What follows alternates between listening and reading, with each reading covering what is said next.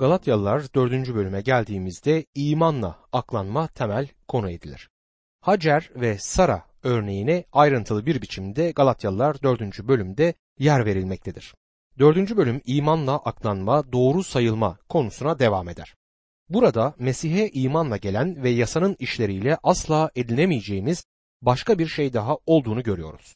Bizlere Tanrı'nın çocukları olma hakkı verilir. Hristiyan hayatına başladığımızda bebeğizdir ve olgunlaşmaya doğru gelişiriz. Ancak Tanrı bizlere başka türlü sahip olamayacağımız bir kapasiteyle birlikte tamamen büyümüş bir oğul konumu da verir. Galatyalılar 4. bölüm 1. ayette şunu demek istiyorum. Mirasçı her şeyin sahibi ise de çocuk olduğu sürece köleden farksızdır der. Bu ayetteki çocuk sözcüğü Galatyalılar 3. bölüm 26. ayetteki oğul sözcüğüyle aynı anlama gelen Yunanca'daki huios olan çocukla aynı değildir. Burada iyice konuşamayan küçük bir çocuk anlamına gelen nepios kullanılmaktadır. Mirasçı her şeyin sahibi ise de çocuk ailede bir küçük olduğu sürece köleden farksızdır der. Yine Paulus'un örneğini gerçek hayatta anlamak için Roma geleneklerine dönmemiz gerekiyor. Bir Romalı evinde hizmetkarlar efendilerinin değişik malları üzerinde yönetim hakkına sahiptiler. Bunlardan bazıları köleler üzerinde, diğerleri koyun ve sığırlara, diğerleri muhasebe işlerine ve diğerleri de çocuklarına bakarlardı. Evde bir çocuk doğduğunda hizmetkarlar ona bakarlar ve birlikte oynadığı hizmetkarın çocuklarından farklı görünmemesi için oyun giysileri giydirirlerdi. Ve bütün diğer çocuklar gibi hizmetkarlara itaat etmesi gerekirdi. Galatyalılar 4. bölüm 2. ayette ise babasının belirlediği zamana dek vasilerin, vekillerin gözetimi altındadır der. Babasının belirlediği zamana dek. Bu zaman ne zamandır? Babanın oğlunun kendi başına kararlar vermeyi becerebildiğini gördüğü ve onu tam büyümüş bir oğul konumuna getirdiği zamandır bu. Oğlunun olgunluk çağına ne zaman eriştiğine karar verenin baba olduğuna dikkat edin. Toplumumuzdaki gibi keyfi bir yasa değildir bu. Gençler 21 yaşına geldiklerinde ergenliğini ispat etmiş sayılırlardı. Şimdi bu yaş 18'e indirilmiştir. Ben bazı insanların 18 yaşındayken 21 yaşındaymış gibi olgun olduklarını düşünüyorum ama 65 yaşında daha olgunluğa erişmemiş insanların olduğunu da kabul etmek gerek. Ama Paulus'un zamanında çocuğun olgunluk çağına erişip erişmediğine karar veren babaydı. O zaman çocuğa ailede tamamen büyümüş bir oğul konumunu veren toga virilis diye bilinen bir tören yaparlardı. Bir Romalı evinde herhalde şöyle olurdu. Diyelim ki baba Sezar'ın ordusunda bir yüzbaşıdır. Sezar Gal'de bir savaş yürütmektedir ve adam birkaç yıl orada kalmıştır. Adamın onlarla sorunu var. Onları yenmesi gerekiyor ve bunu yapmak birkaç yıl sürüyor. Ordu Roma İmparatorluğu'nun sınırlarını geriye itmek istediğinden ailenin reisi olan baba birkaç yıl boyunca evde bulunmamaktadır. Sonunda eve döner. Tıraş olmak için banyoya girer ve birdenbire jiletimi kim kullanmış diye bağırır. Bütün hizmetkarlar koşarak gelirler çünkü baba ailenin reisidir. Ona oğlunuz derler. Oğlumun jilet kullanacak kadar büyüdüğünü mü söylemek istiyorsunuz diye sorar. Çocuk büyümüş kocaman adam olmuştur. Baba onu buraya getirin der. Bunun üzerine çocuğu getirirler. Güzel, kuvvetli bir delikanlıdır ve baba şimdi toga virilis törenini yapmalıyız. Büyük annenlere, büyük babalara, teyzelere, halalara, amcalara, dayılara davetiyeler göndermeliyiz der. Hepsi toga virilis törenine gelirler ve o gün baba oğlanın üzerine bir toga, bir kaftan koyar. Rabbimizin kaybolan oğul benzetmesinde söylemek istediği şey buydu. Oğlan eve döndüğünde baba onu sıradan bir oğul gibi değil, tamamen büyümüş bir oğul gibi karşıladı. Üzerine bir kaftan koydu ve parmağına bir yüzük taktı. Yüzüğün üzerinde babanın imzasıyla aynı imzayı taşıyan mühür vardı ve bu ona babanın yetkisini vermekteydi. Çocuğun sokakta o kaftanla yürüdüğünü tahmin edebilirsiniz. Şimdi hizmetkarlardan biri onun bir yanlışını düzeltmek için hiçbir şey söylemese iyi olur ve kesinlikle onu azarlamaya çalışmamalıdır. Hatta bundan sonra hizmetkarları azarlayacak hatta dövecek olan odur. Çünkü tamamıyla büyümüş bir oğul yaşına gelmiştir. Paulus Galatyalılar 4. bölüm 3. ayette bunun gibi biz de ruhsal yönden çocukken dünyanın temel ilkelerine bağlı yaşayan kölelerdik der. İşte bunu söylediğinde söylemek istediği budur. Dünyanın temel ilkelerine bağlı yaşayan yasanın altında olan demektir. Elçi Paulus kurallar altında oldukları zamanın İsrail ulusunun çocukluğu olduğunu söylemektedir. Galatyalılar 4. bölüm 4 ve 5. ayetlerde ama zaman dolunca Tanrı yasa altında olanları özgürlüğe kavuşturmak için kadından doğan yasa altında doğan öz oğlunu gönderdi. Öyle ki bizler oğulluk hakkını alalım der. Tanrı tarafından belirlenen bir zamanda baba Tanrı kadından doğan, yasa altında doğan oğul Tanrı'yı gönderir. Meryem Yahudi bir kadındı. Buralarda İsa'nın herhangi bir ırka ait olmadığını söyleyen bir kadın var. Ne kadar çocukça ve anlamsız bir söz. Hiçbir anlamı olmayan sahte bir tatlılık gösterisinde bulunmaya çalışmaktır bu. Kuyunun başındaki kadın, Yuhanna'nın dördüncü bölümünde kaydedilmiş olan kadın günümüzde o kadından çok daha fazla şey bildiğini söyleyebilirim. Yuhanna 4. bölüm 9. ayette Samiriyeli kadın sen Yahudisin bense Samiriyeli bir kadınım dedi. Nasıl olur da benden su istersin? Çünkü Yahudilerin Samiriyelilerle ilişkileri yoktur demişti. Kadın onun Yahudi olduğunu düşünmüştü ve Rabbimiz onu düzeltmedi. Bu yüzden kadının haklı olduğu sonucuna varıyorum. Rahatsız olmazsanız İsa'nın bedene göre Yahudi olduğu gerçeğini saklamaya çalışanlardan çok ona kulak veririm. Kusursuz bir insanlığa sahipti ayrıca bedende görünen Tanrı'ydı. Bizim günümüzde ise bu sorgulanıyor. Ancak sahip olduğumuz tek tarihsel İsa, kilisenin en eski inanç bildirilerinden birinde insandan insan, Tanrı'dan Tanrı olarak tanımlanan İsa'dır. Bu inanç bildirisiyle aynı görüşteyim çünkü Tanrı sözünün öğrettiği şey de aynen budur. Tanrı'nın oğlunu göndermekteki amacı neydi? Tanrı'nın iki amacı vardı. Birincisi yasanın altında olanları kurtarmak. Çünkü yasanın altında çocuktular. Gördüğünüz gibi yasa kimseyi bir tanrı çocuğu haline getirmemiştir. İkincisi ise oğulluk hakkını almalarıdır. Evlat edinmenin günümüz toplumlarındakinden farklı bir anlamı vardı. Bizler bunun kendi çocukları olmayan bir karı kocayla olan bir ilişki olarak düşünüyoruz. Evlat edinilebilecek çocukların bulunduğu bir kuruluşa giderler ve orada tatlı bir bebek görürler. Yürekleri ona doğru uzanır ve yasal düzenlemeleri yaparak onu evlat edinirler. Bebek onların olduğunda buna evlat edinmiş olmak deriz. Ancak Elçi Paulus'un zamanındaki Roma geleneği kendi çocuğunu evlat edinmekti. Hatırlayacağınız gibi bu toga virilis töreniyle gerçekleşen bir durumdu. Yunancası huot esia olan evlat edinme bir oğul olarak yetiştirilmek anlamına gelir. Bir inanlı tanrısal gerçeği anlamaya yeterli bir biçimde Tanrı'nın ailesinde tamamıyla büyümüş bir oğul olarak yerleştirilmiştir.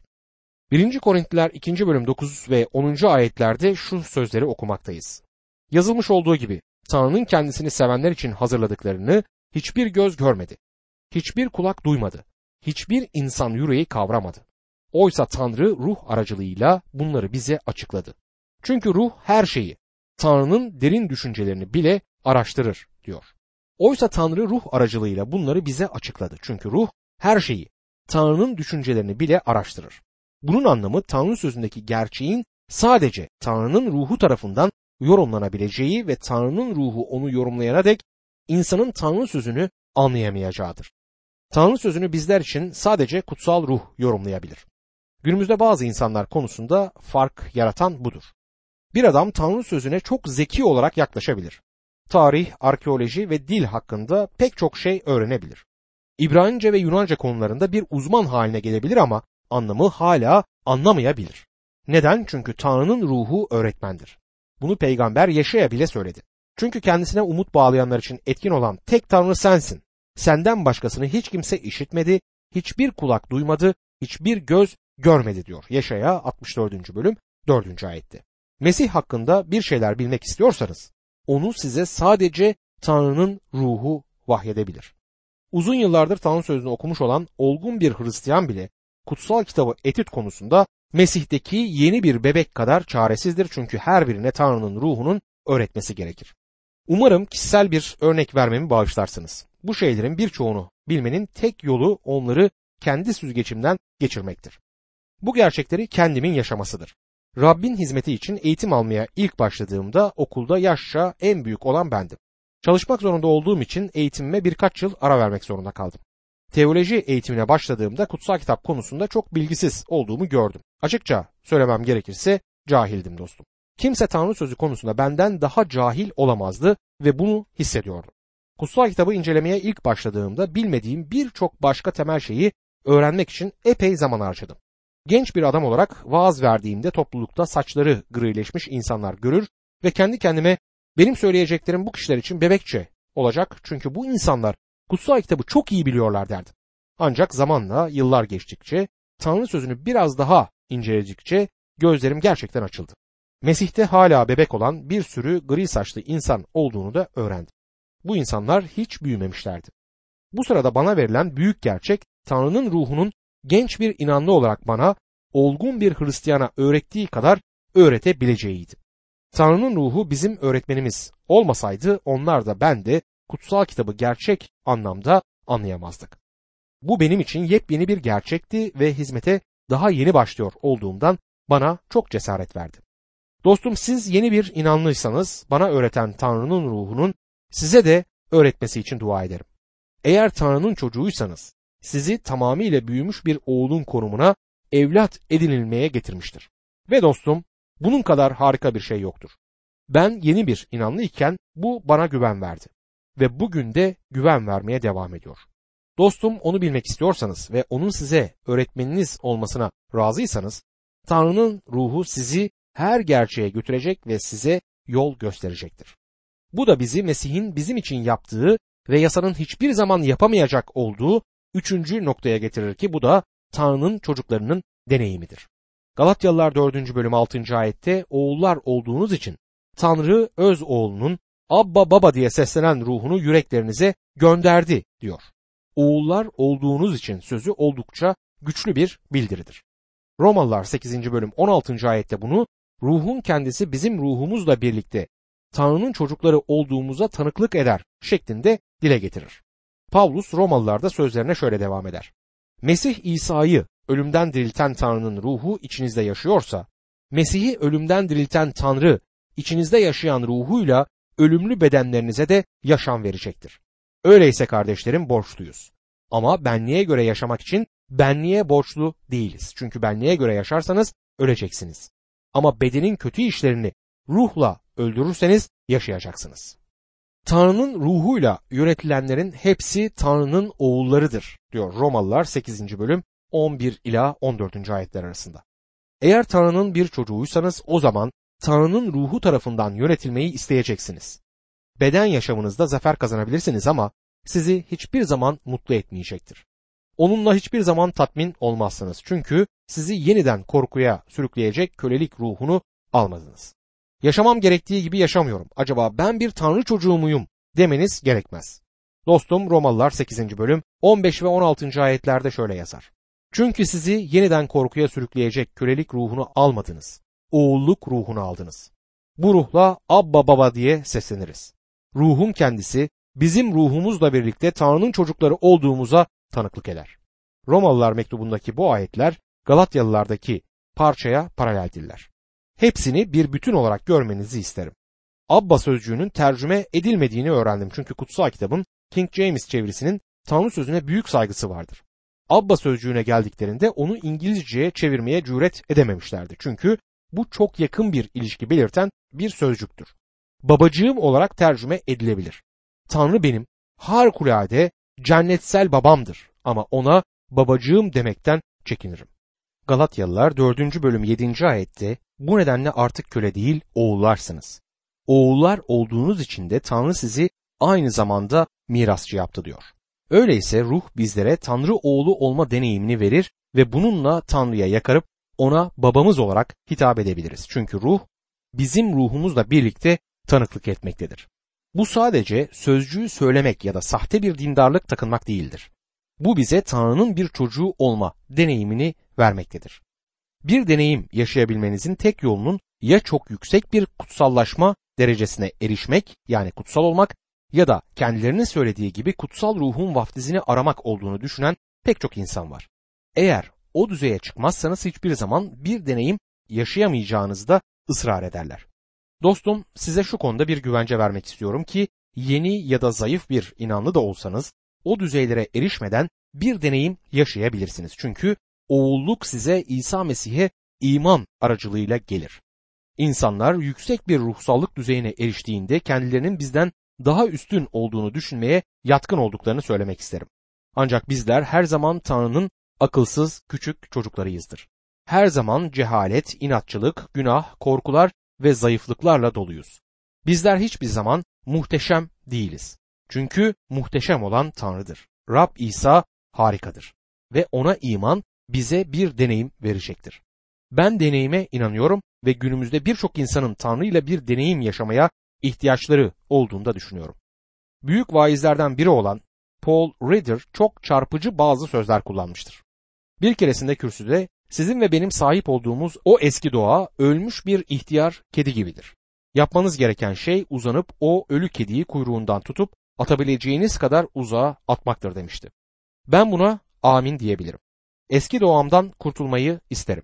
Bir gün Doktor Schaeffer'ın onun bu örneğini kullandığını duydum ve sonra kendisine Paul ihtiyar kedinin dokuz canlı olduğunu unutuyorsun.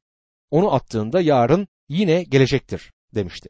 Hiçbir zaman Tanrı'nın kusursuz kutsalları olmayız ama İsa Mesih'e imanla Tanrı'nın çocukları olma deneyimini yaşayabiliriz. Oğullar olduğunuz için Tanrı öz oğlunun Abba Baba diye seslenen ruhunu yüreklerinize gönderdi. Bu nedenle artık köle değil oğullarsınız.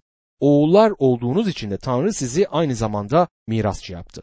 Birçok kereler siz ve ben iman hayatlarımızda ağır ağır zahmetli ve isteksiz bir biçimde yürürüz ve Tanrı ile bir deneyimimiz olmaz. Bazen hayat çok sıkıcı ve biraz da monoton olabilmektedir ama özellikle Tanrı'nın bizi sıkıntılara sokup bizi gerçekten sınadığı başka zamanlarda vardır ve o zamanlarda göksel babamızla muhteşem deneyimler yaşarız. Doktor Vernon McGee yaşadıklarını şöyle anlatıyor. Kanser ameliyatı olmak için hastaneye götürüldüğüm zaman korkuyordum. Kimse benim kadar korkamazdı. Çünkü ben bir korkağım ve hastanelerden hoşlanmam. Onlar için Tanrı'ya teşekkür ediyorum ama hastanelerden hoşlanmıyorum. Verdikleri o önü yerine arkası açık olan komik görünüşlü geceliği giydim ve yatağa çıkmaya çalışıyordum. Bir türlü çıkamadım. Bir hemşire gelip ne var hasta mısınız dedi. Hayır korkudan ölüyorum dedim. Sonra beni ameliyata hazırlamak için geldiğinde lütfen bana birkaç dakika izin verin yalnız kalayım dedim. Bir vaiz olarak hastaneyi birçok kereler aslında birkaç yüz kere ziyaret etmiştim. Şimdi Hezekiel gibi yüzümü duvara çevirip Ya Rab buraya birçok kereler geldiğimi ve insanların ellerine dokunup onlara senin onlarla birlikte olacağını söylediğimi bilmeni istiyorum. Onların vaizi olarak onlarla birlikte dua ettim ve çıkıp gittim. Ama bugün çıkıp gitmiyorum. Burada kalacağım ve ben ameliyat olacağım. Sonucun ne olacağını bilmiyorum dedim. Tanrı'ya söyleyecek bazı şeylerim vardı. Ona her şeyi nasıl halletmesi gerektiğini söylemek istiyordum ama sadece babacığım ben senin ellerindeyim. Ne olmasını istiyorsan onu yap. Sen benim babamsın dedim. Tanrı bana harikulade davrandı. Dostum Tanrı'nın insan için gerçek olduğu zamanlar bunlardır. Onunla Abba babamız olarak bir deneyim yaşamalıyız. Romalılar 8. bölüm 16. ayette ruhun kendisi bizim ruhumuzla birlikte Tanrı'nın çocukları olduğumuza tanıklık eder der. Ben sizin başınıza bir dert gelmesini istemiyorum ama genelde Tanrı'nın kendisini bizim için sıkıntı zamanlarında gerçek kıldığını da düşünüyorum. Bir gün sizin de harika göksel babanızla böyle bir deneyim yaşamanızı dilerim. Devam etmeden önce kullanmayı istediğim bir örnek daha var. John Patton Tanrı sözünü yayan bir müjdeciydi. Eşiyle birlikte çok ilkel bir halkın arasına müjdeyi yaymaya gitti. İlk çocukları doğduğunda hem çocuk hem de karısı öldü. Onları kendi elleriyle gömdü. Yamyamlar arasında olduğundan mezarı kazıp onları yemesinler diye birçok gün ve gece mezarın üzerinde oturdu. Tanıklığı Rab İsa Mesih'in bu zaman içinde kendisini ona gerçek kılmasıydı. Aklını kaçıracak durumdaydı. Tanrı sıkıntı zamanlarında kendini gerçek kılar.